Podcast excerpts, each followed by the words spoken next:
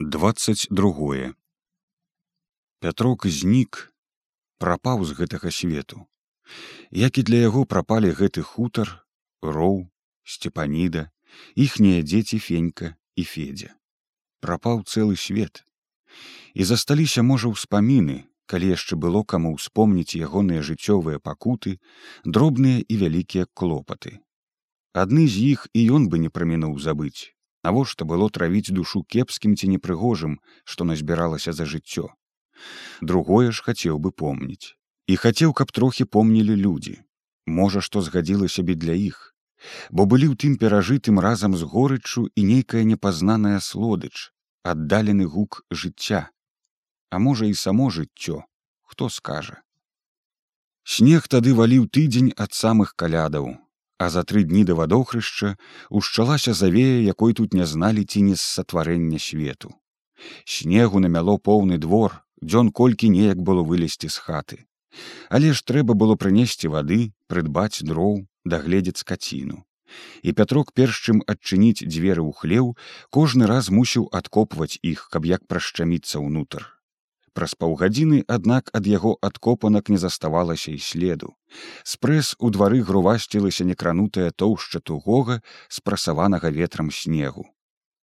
Той дзень праўда зверху не сыпалася. Болей мяло нізам, надзьмула на падворку даўгую хрыбціну гурбу ад дрывотні да самых варотаў хлява, крыху меншую для калодзежа і пад тынам. Калодзежны зруб апынуўся ў поравень з долам. Пятрок ледзьве дабраўся да яго з вядром, але зачарпнуць вады не было як. У зрубе чарнелася вузенькая бынара дзірка адтуліна.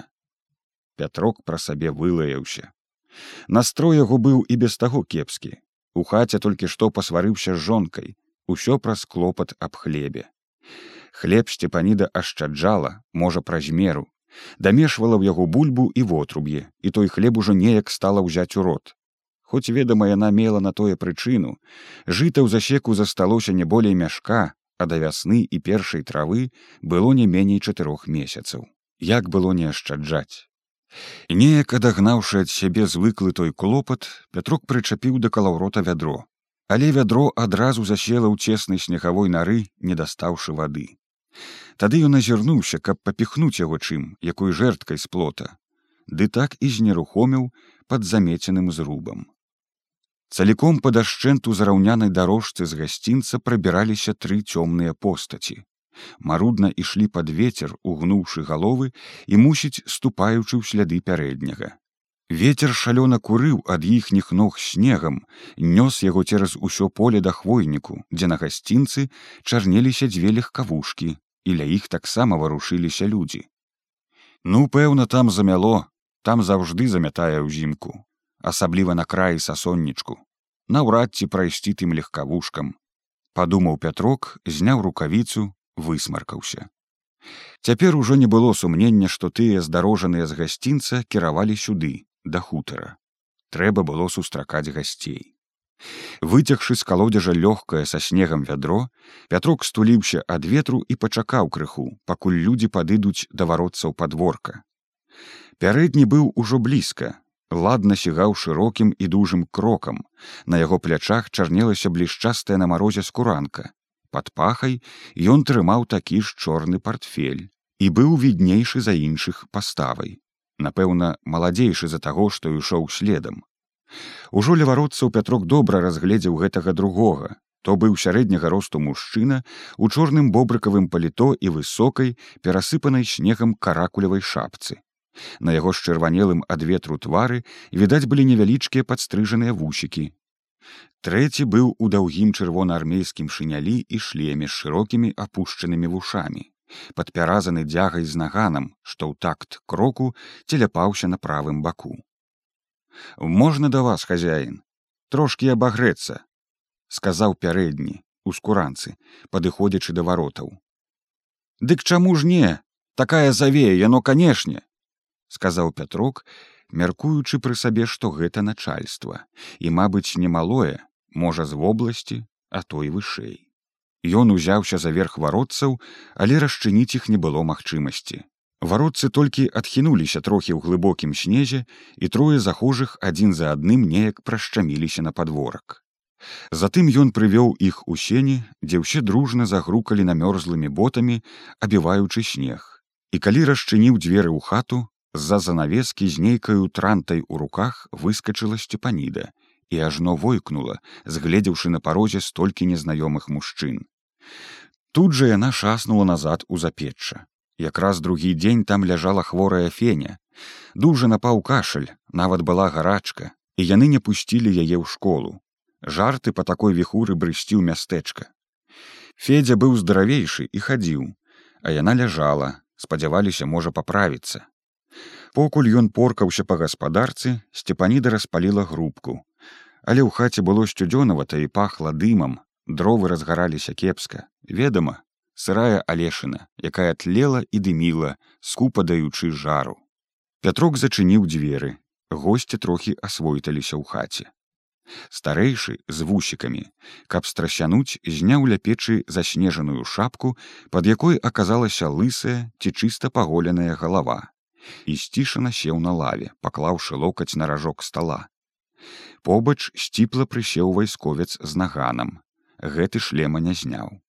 А трэці, што быў у скуранцы, згледзеўшы квелы агонь у грубцы, адразу схіліўся да яе, прысеў на нізкі ўслончык. Э, кепска гарыць, растопкі мала, а, гаспадыня. З-за печка выйшла сцепаніда, без хусткі, але ў сваёй аўчыннай камізэльцы, стрымана азірнула гасцей. Дзе ж яе ўзяць растопку? Сырымі вопалем. Сырымі гэта не дзела, сказаў незнаёмы і пырнуў мокрыя камлі ў грубцы.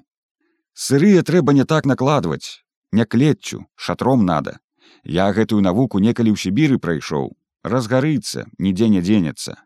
Папоркаўшы альховыя камлюкі, ён прычыніў дзверцы, не зусім, а так, каб заставалася шчылінка. Азірнуўся на петрака, які сціпла стаяў пры парозе.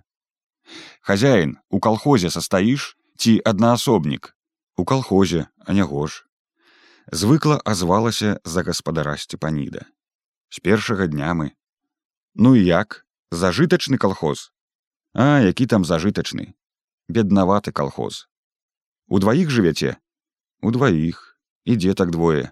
Сынок у школу пайшоў а дачушка во прыхварэла кашляе феня і сапраўды закашляла ў запеччы у хаце ўсе змоўклі прыслухаліся. Той што сядзеў ля стала за ўвесь час не скрануўся нават. Толькі на фенчын кашаль павёў чорным брывом зірнуўшы на занавеску радзюшку ля печы. Гэтак жа маўкліва роздумна ён пазіраў на сцепаніду.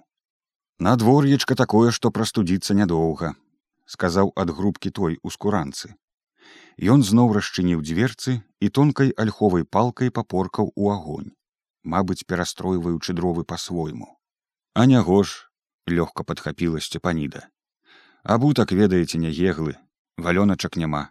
У парваных гамашыках бегае. Прастудзіла ногі. Цяпер другі дзень гарачка. Кашляе. Нялёгка даецца навука сялянскім дзецям.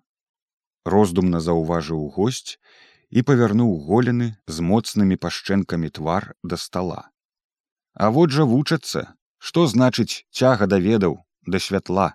Пятрук падумаў што мабыць цяпер гэты старэйшы па ўзросту а можа і па пасадзе штось скажа. Але ён не сказаў нічога. Усё моўчкі сядзеў пры стале пазіраючы ў грубку. На ягоным твары ляжаў адбітак задуменнай нерухомасці стомы бы якой глыбокай заклапочанасці здавалася ягоная ўвага была скіравана кудысьці далёка ў нейкія свае клопаты і ў гэтай хаце нішто яго не цікавіла нічога цётка болей бадзёра сказаў той ад грубкі Выканаем пяцігодку, будзе і абутак і шмат што яшчэ. Вальней будзе, а пака трэба работаць. Дык мы ж работаем, стараемся, не складаючы рук, за панамі так не работалі. Нам складваць рук нельга. Міравая буржуазія яна пільна сочыць. Складзем тут жа і задушыць. Што ж мы не панимаем, але во адзецца няма ў што. Даўней дык лён быў, а цяпер увесь лён здаём, а сабе нічога каб хоць крамніны якой дзецям на світачкі пачала скардзіцца сцепаніда мабыць ужо зразумеўшы што перад ёй начальства петраку тое не спадабалася ну нашто яна толькі ў хату чужыя начальства ці не а яна ўжо са сваімі клопатамі не дасць людзям абагрэцца. Ён зважліва стаяў ля дзвярэй думаючы што захожыя самі штось скажуць. Лезці да іх з пытаннямі было мабыць нягожа. Але сцепаніда тым часам мусіць зусім асмялела і ўжо скардзілася на тое што дагэтуль не заплочана людзям за здадзеную па нарыхтоўках воўну. Смык трэці раз абяцае назначае тэрміны а грошай няма пятрок аж паморшчыўся ад няёмкасці людзі староннія можа з полацка ці нават з віцебска скуль ім ведаць тутэйшыя парадкі нейкага там упаўнаважанага нарыхтовак смыка. Лысы ля стала ўсё сядзеў нерухома нават заплюшчыўшы вочы ад ператомы ці можа сагрэўшыся ў хаце. Але аказалася слухаў і чуў усё. І калі сцепаніда сказала пра грошы расплюшчыў вочы і ціха гукнуў таму што сядзеў ля грубкі. Запішыце той расшпіліў портфель і ў сінім невялічкім шытку напісаў некалькі слоў. І гэта под лён даюць самую няўдобіцу дзе глей кажуць вырасце. А які там рост як засушыць аберуч не выдзераш і нізенькі рэдзенькі на трэці нумар не болей ну пагнала ўжо амаль з болем падумаў пятрок. Ужо нагаворыць госці аднак слухали быццам нават з увагай і не перапынялі. Лысы ўжо расплюшчыўшы вочы пазіраў на яе быццам бы і без стомы ва ўпор хоць і маўчаў. А той што ў скуранцы толькі адзін раз перапыніў спытаўшы як назва калгаса і ўжо сам без напамінку штосьці пазначыў у сшытку мусіць адчуўшы іхнюю прыязнасць сцепаніда выгаварыла шмат што сваіх крыўд на парадкі ў калгасе у раёне і нарэшце ўспомніла пра сняданак можа б зварыць бульбачкі калі са скваркай лысы ля стала бы струхнуўшы сябе нерухомасць рашуча сказаў не і павярнуў галаву да маўклівага у шынялі вайскоўца. Паглядзіце там. Той борздзенька выскачыў у дзверы, а трэці ля грубкі расчыніў дзверцы, з якіх пыхнула ўмеранай цеплынёй. Дровы ўсё ж разгараліся. Ну во бач, па-сібірску весялей пайшло, бадзёра зазначыў госць. Якраз у той час у запеччы зноў закашляла феня.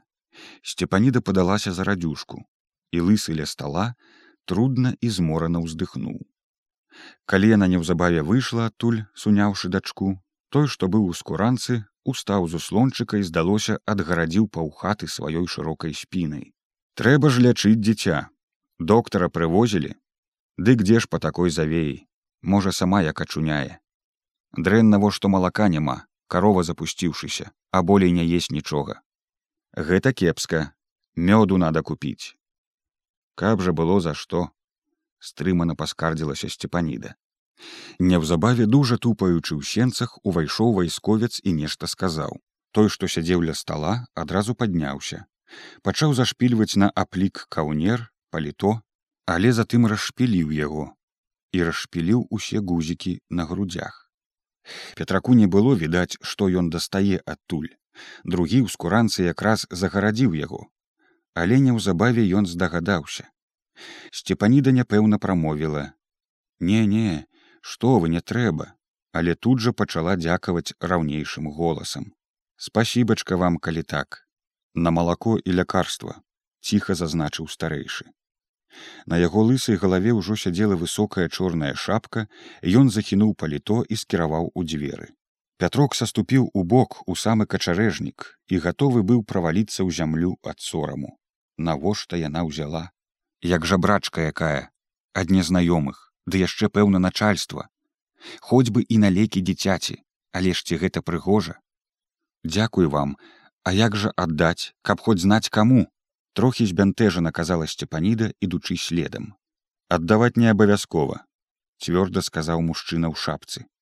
Але ж доўг невялікі доўг.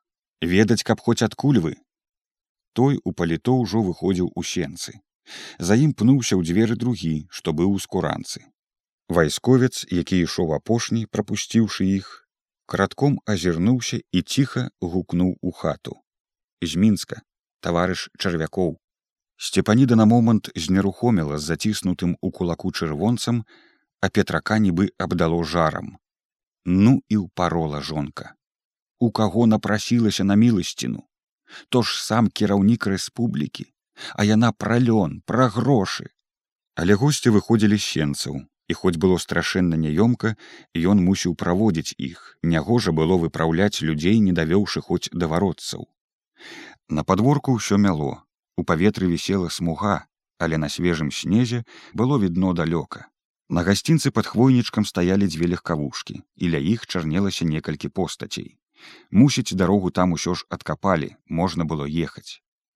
Для варотцаў павярнуўшыся ад ветру чарвякоў спыніўся. Дякуй за абагрэўку гаспадар. Здароўя тваёй дацэ сцішана пажадаў ён Пятрук разгублена стаяў не ведаючы кланяцца дзякаваць ці як. У яго ажно адняло мову і ён нічога сказаць не мог. Тады чарвякоў спытаў нешта ў свайго памочніка і той удакладніў. Прозвішча як тваё? Багацька сказаў пятрук і сумеўся упершыню пасаромеўшыся ўласнага прозвішча. Так недарэчы прагучала яно на гэтым нехуцавым заваленым снегам падворку. То багатага жыцця таварыш багацька пажадаў напаследак старшыня цвк і ўсе ўгнуўшы галовы пачалі прабірацца па сваіх ранейшых слядах да гасцінца пятрок сумеўся і зноў не адказаў нічога толькі пазіраў на гэтых людзей і ў думках паўтараў узрушана дзе ўжо багата дзе ўжо багата Ранейшы нязбыўны клопат апанаваў яго з новаю сілай. Жыта ў засеку заставалася пуды з чатыры. З хлебам можа б як і дацягнуў да крапівы і шчаўя, каб было болей бульбы. Бульба, аднак канчалася. Неўрадлівае было лета на бульбу, вымакла ад дажджоў, пагніла пад каліўем. Невядома, як было дажыць да новай.